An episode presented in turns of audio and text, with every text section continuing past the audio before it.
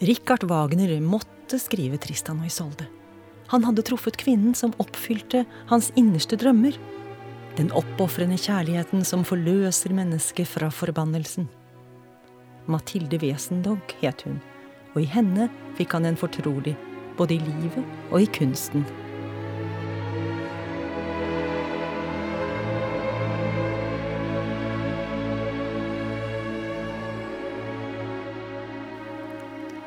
Tristan og Isolde. Historien om umulig kjærlighet, beskrevet i musikk som av mange regnes som Wagners beste.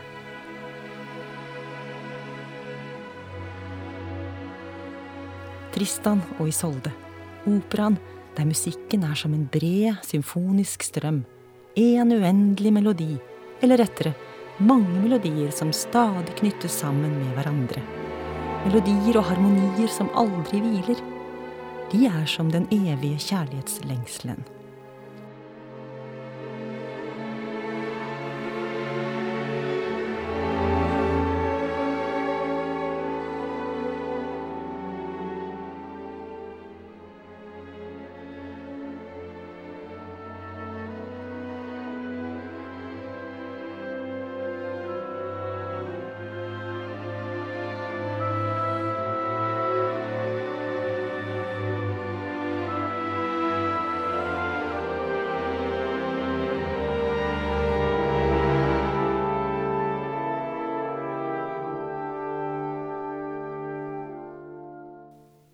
Richard Wagner er kanskje verdens mest omdiskuterte person. Herman Levi, jødisk dirigent, mente at Richard Wagner er det beste og edleste mennesket som finnes. At samtiden misforstår og baktaler ham er naturlig. Verden vil en gang innse at Richard Wagner var like stor både som menneske og som kunstner. I essayet Monsteret fra 1937 heter det derimot. Han led av stormannsgalskap. Hans forfengelighet var utrolig. Aldri noensinne betraktet han verden og menneskene annet enn i forhold til seg selv. Han var et geni når det gjaldt å skaffe seg fiender, og mente selv at han var verdens beste dramatiker, tenker og komponist. Mennesket Wagner kan være vanskelig å forholde seg til. Han var både overlegen og hensynsløs. Han kunne forhekse og forlede, kunne skaffe seg både tilhengere og motstandere, begge grupper like glødende. Kan man forklare en slik oppførsel og karakter? Richard Wagners barndom var problematisk og kan være en av grunnene til hans forsvars- og overlegenhetskompleks. Wagner hadde aldri noen helt sikker kunnskap om hvem som var hans far. I nesten alle Wagners operaer er det en farsskikkelse som driver handlingen. Er det Wagners ønskedrømmer om en far? Wagners egen far døde da lille Richard var bare seks måneder. Moren satt igjen med en stor barneflokk og giftet seg raskt med familievennen Ludvig Geier. Mange har lurt på om han var far til Richard. Uansett var Geir ekstra opptatt av den lille sykelige og skrøpelige Richard med det altfor store hodet. Gutten var jo kanskje begavet, i det minste lidenskapelig teaterinteressert der han i ung alder opptrådte som engel i tights, med vinger på ryggen, i seriøs anstrengelse for å få til en grasiøs posisjon. Men Geir døde også tidlig. Da var Wagner bare åtte år, og moren satt igjen med store økonomiske problemer. Hennes ømhet for gutten ble mindre og mindre. Han kunne senere ikke huske å ha blitt klappet og kjelt med i barndommen. Det brøt ut store byller på guttens hud, og hele livet var han plaget av betennelser i huden. Det var derfor han elsket fløyel og silke og store kapper.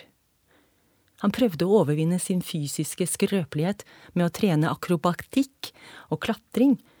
Han var egenrådig og sta, og kranglet stadig med guttene rundt ham. På skolen var han bare interessert i gresk mytologi. Han brukte tiden til å skrive upassende skuespill med spøkelser, sinnssykdom og utallige mord.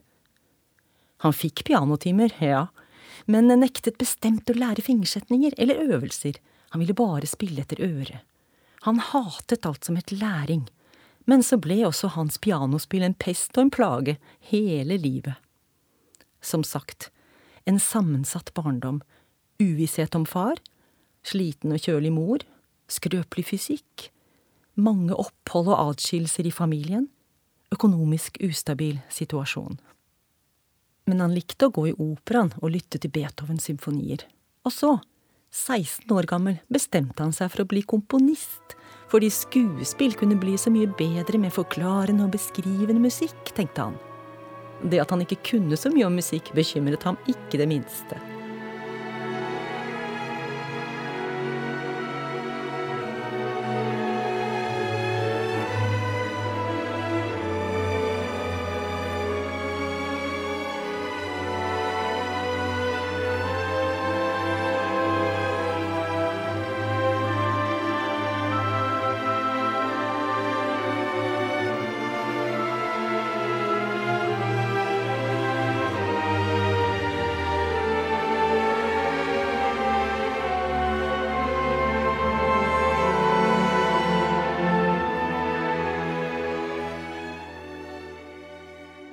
Han gikk og lærte et halvt år hos kantoren i Thomaskirken i Leipzig. Fuger ble det vel skrevet noen av, men kantoren forsto raskt at han hadde en usedvanlig begavet elev som dog ikke tålte tvang. Så gikk han ett år ved universitetet som musikkstudent, men han gikk bare på festene, ikke på forelesningene. Han fikk ingen venner, eller som Schumann saktmodig uttrykte det, ingen vil vel omgås en som bare snakker om seg selv uten å la noen andre komme til. Storebror Albert hadde fått jobb som sanger og regissør ved operaen i Würzburg, og nå ordnet han jobb som korrepetitør og regiassistent til sin 20-årige lillebror. Og her begynner et liv med hardt arbeid, store samarbeidsproblemer, utallige erotiske erobringer med påfølgende skandaler, diverse ganger flukt fra både politi og kreditorer. Han ble nærmest jagd fra Würzburg og anbefalt til Magdeburg, der han traff skuespillerinnen Minna Planer, fem år eldre og kjent for sin skjønnhet, men ikke for sin vandel. Men hun var ettertraktet som skuespiller og skaffet dem begge jobb både i Königsberg og i Riga. Ekteskapet var problematisk. Hun var praktisk og økonomisk, men hadde den leie uvanen å stikke av med mannlig selskap av og til. Han var energisk og hadde en svulmende optimisme, men var upraktisk og sløsaktig med penger. Han ble uvenn med alle, Økonomien var elendig, og teatret ønsket ikke en kapellmester som når som helst kunne havne i fengsel. Kreditorene var nådeløse. Flukt var eneste utvei fra Riga. I nattens mulm og mørke, uten pass, klarte de å flykte til London. På båten var de blindpassasjerer, kom ut for fryktelig uvær og måtte nødlande utenfor Tvedestrand. Før avreise hadde Wagner lest om sjøkapteinen, han som må seile på havene i sitt spøkelsesskip, helt til dommens dag. Nå jobbet selvsagt denne historien videre i det fantasifulle hodet til unge Wagner, og ble senere til operaen Den flyvende hollender. Etter to vanskelige år i Paris, med ussel økonomi og håpløse forhold for unge komponister, vendte Minna og Richard tilbake til Tyskland, og Wagner ble ansatt ved det saksiske hoffet i Dresden, det som senere ble Dresden-operaen. Her ble Den flyvende hollender og Rienzi framført med framgang i 1842 og 1843. I Dresden ble de i syv år, og her skrev Wagner også Tannhäuser og Lohengrin. De store suksessene uteble imidlertid, og nå, som han hadde fast jobb, strømmet kreditorene fra Riga til, han måtte ta nye lån for å betale, og snart var han nedsunket i gjeld. Han var ettertraktet som dirigent, men hans egne verk hadde ikke så mange tilhengere. Han følte at han hadde evner som fortjente å bli verdsatt, og ble bitter på samfunnet som kunne behandle ham slik, be om at han skulle betale tilbake gjeld og sånne ting. Da de revolusjonære ideene fra 1840-tallet spredte seg i Europa, ble Wagner også revolusjonær, skrev et dikt der han foreslo at Saksen skulle bli republikk, ja, det var litt av en hoffkapellmester. Etter hvert ble han upopulær ved hoffet, og det ble utstedt arrestordre på ham. Han flyktet, forkledd og med falskt pass, til Frans List som hjalp han med penger. List var en av de få som forsto Wagners storhet, men Wagner misbrukte vennskapet senere, forførte blant annet begge døtrene til List. Flukten endte i Zürich, der han ble i ti år fra 1849 til 59. Her ble han kjent med ekteparet Wesendonck. Han var rik, hun var vakker og klok, ja, et ypperlig bekjentskap. Otto Wesendonck støttet og underholdt Wagner i lang tid og bygget til slutt et hus til Wagner i sin egen hage. Mathilde var et følsomt og kunstnerisk menneske, som gjorde de siste årene i Zürich-tiden til min blomstringstid, skriver Wagner. Hun hjalp gjerne til når Wagner nå begynte på Tristan og Isolde. Det litt rare var at ektemannen alltid måtte være borte når de skulle arbeide. Hennes mann måtte både tåle sin kones åndelige elsker og attpåtil understøtte ham. Men katastrofen var jo uunngåelig. Minna fikk tak i et kjærlighetsbrev fra Richard til Mathilde, og situasjonen ble uutholdelig. Otto Wesendonck betalte gladelig for å ekspedere Wagner til Venezia, der han avsluttet Tristan og Isolde i 1858. Likevel hadde denne kjærlighetshistorien inspirert Wagner til å skrive sitt dypeste og mest personlige musikkdrama, et virkelig totalkunstverk, med musikk og tekst av Wagner selv.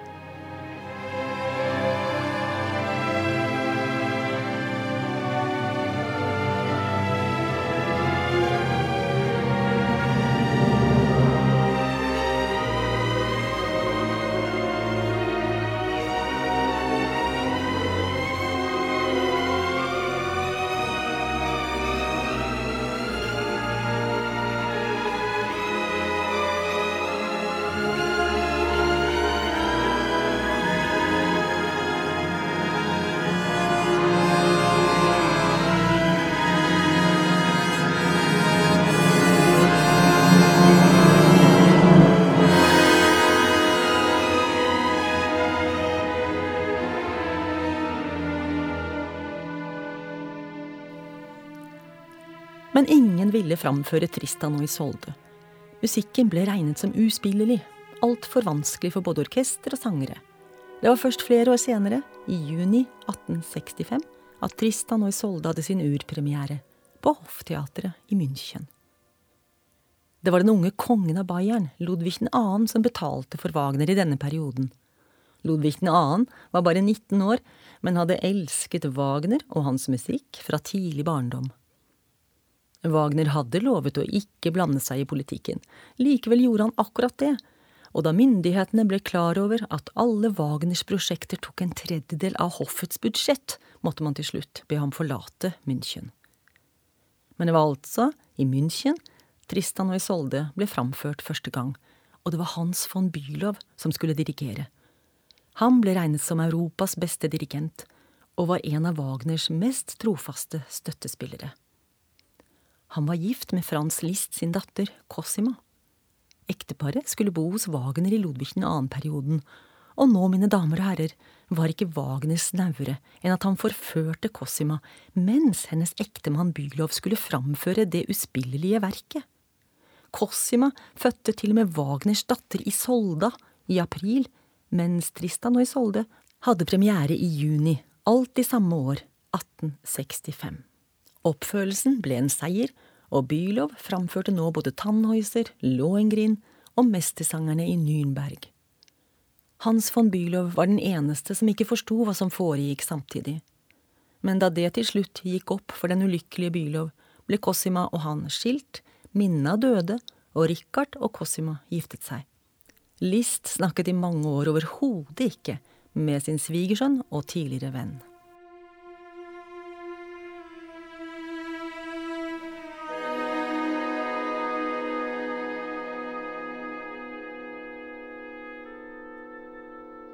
Handlingen i Tristan og Isolde bygger på et episk dikt fra 1200-tallet, skrevet av mester Gottfried von Strasbourg, som igjen hadde bygget diktet på et gammelt keltisk sagn. Tristan er foreldreløs. Faren døde før han ble født, og moren døde under fødselen. Onkelen hans, kong Marke, adopterte den lille gutten, og Tristan vokste derfor opp hos Marke i Cornwall på Englands sørkyst. I første akt fører Tristan et skip som er på vei fra Irland til Cornwall. Han har hentet en brud til kong Marke, Isolde, prinsesse av Irland. Tristan reiser sammen med sin våpendrager Korvedal. Isolde har sin kammerpike Brangene med seg. Isolde er irritert over at hun skal giftes bort. En sjømann synger en vise hun oppfatter som en hån, i et voldsomt raseriutbrudd prøver hun å styre naturkreftene til å senke hele skipet.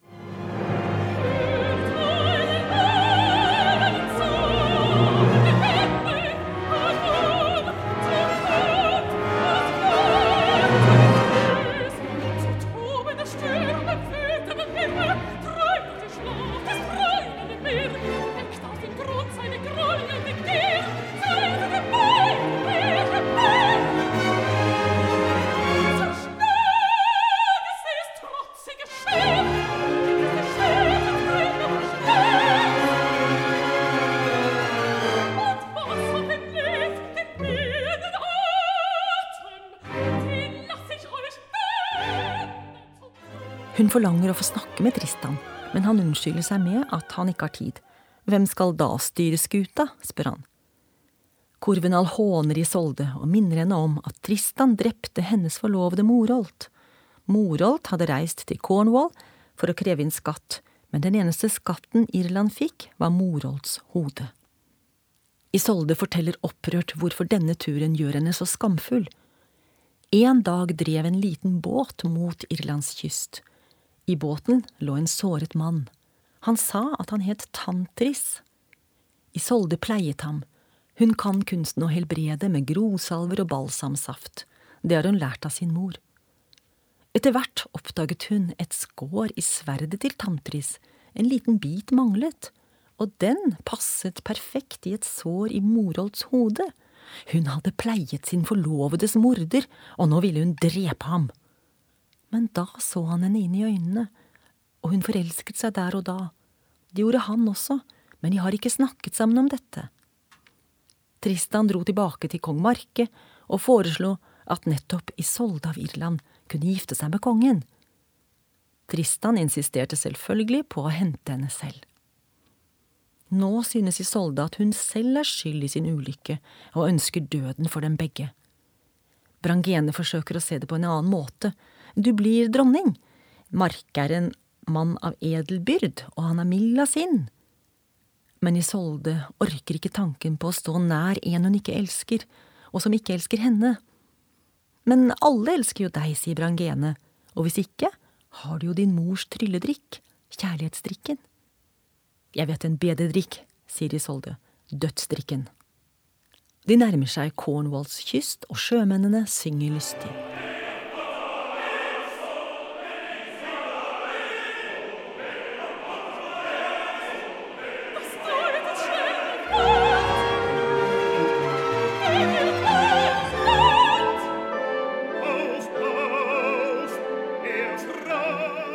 Korvenal bringer beskjed fra Tristan at de skal gjøre seg klar for ilandstigning. Isolde nekter.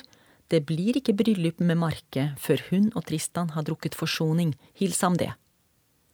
Tristan kommer, og Isolde minner ham på hvordan hun reddet hans liv, og at hun egentlig burde hevne Morold, sin forlovede. Ja, sier Tristan, betydde han så mye for deg, så ta dette sverd og drep meg men Isolde vil heller drikke forsoningsdrikk. Tristan forstår at det handler om dødsdrikk, og ser på den som eneste trøst for evig sorg. Glemselens milde drikk, jeg drikker deg uten nølen, sier Tristan. Tristan løfter begeret til munnen, men før det er tomt, river Isolde det til seg for å svelge de siste dråpene. De stirrer hverandre inn i øynene, og lengselen etter den andre sender gysninger gjennom dem. Brangene innrømmer og har gitt dem kjærlighetsdrikk istedenfor dødsdrikk.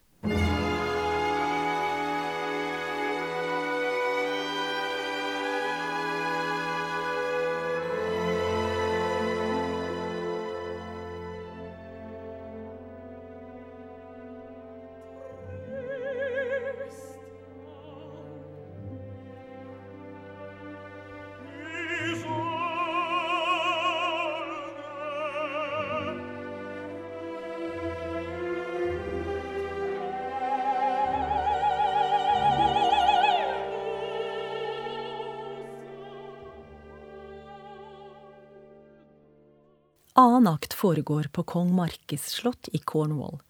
Isolde er nå gift med kong Marke. Tristan og Isolde lever ut sin kjærlighet om natten. En av mennene til Marke, Melot, har fattet mistanke og tilbudt seg å spionere på Isolde. Denne sommernatten skal Marke og hans menn jakte på mer enn dyr. Isolde venter på at de skal dra langt nok vekk til at Tristan kan komme. Brangene advarer henne, men Isolde vil ikke høre. Brangene slukker fakkelen og skal holde vakt. Tristan styrter inn, og i ekstase faller de i hverandres armer. Er det virkelig du, din munn, dine øyne? Tristan anklager dagen som sin verste fiende, og Isolde ser eneste mulighet for forening og forløsning i dødens rike. De konkluderer med at de vil få et liv i evig kjærlighet selv om de altså aldri mer vil våkne. Brangene advarer dem flere ganger, men de elskende er sunket sammen i fullstendig henrivelse.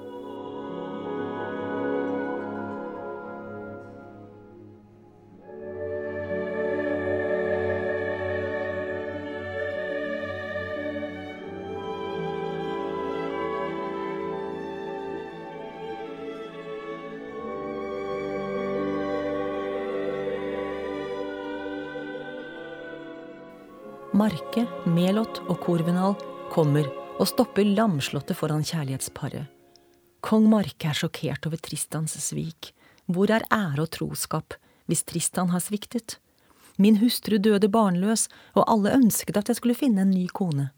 Men jeg elsket deg, Tristan, så høyt at jeg nektet, helt til du truet med å forlate meg for alltid om du ikke selv fikk hente meg en brud. Og Isolde, denne vidunderlige kvinne, hun gjorde mitt hjerte mer følsomt for sorg, hvorfor måtte du såre meg? Tristan kan ikke svare, men spør om Isolde vil følge ham i døden, noe hun vil. Melot trekker kniv, Tristan blir dødelig såret og synker sammen.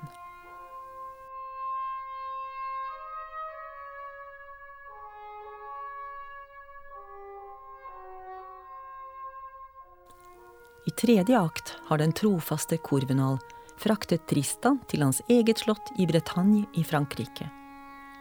Tristan ligger såret og venter på Isolde som skal komme med skip. En gjeter spiller en melankolsk melodi på engelsk horn. Han har lovet å spille en munter melodi når Isoldes skip kommer. Korvenal trøster og forklarer at han har fått tak i den beste legen, Isolde. Plutselig nærmer skipet seg, og Tristan hisser seg voldsomt opp. Han river av seg bandasjene mens han vakler ned til stranden. Tristan synker sammen. Isolde forsøker å redde ham, men han dør med hennes navn på leppene.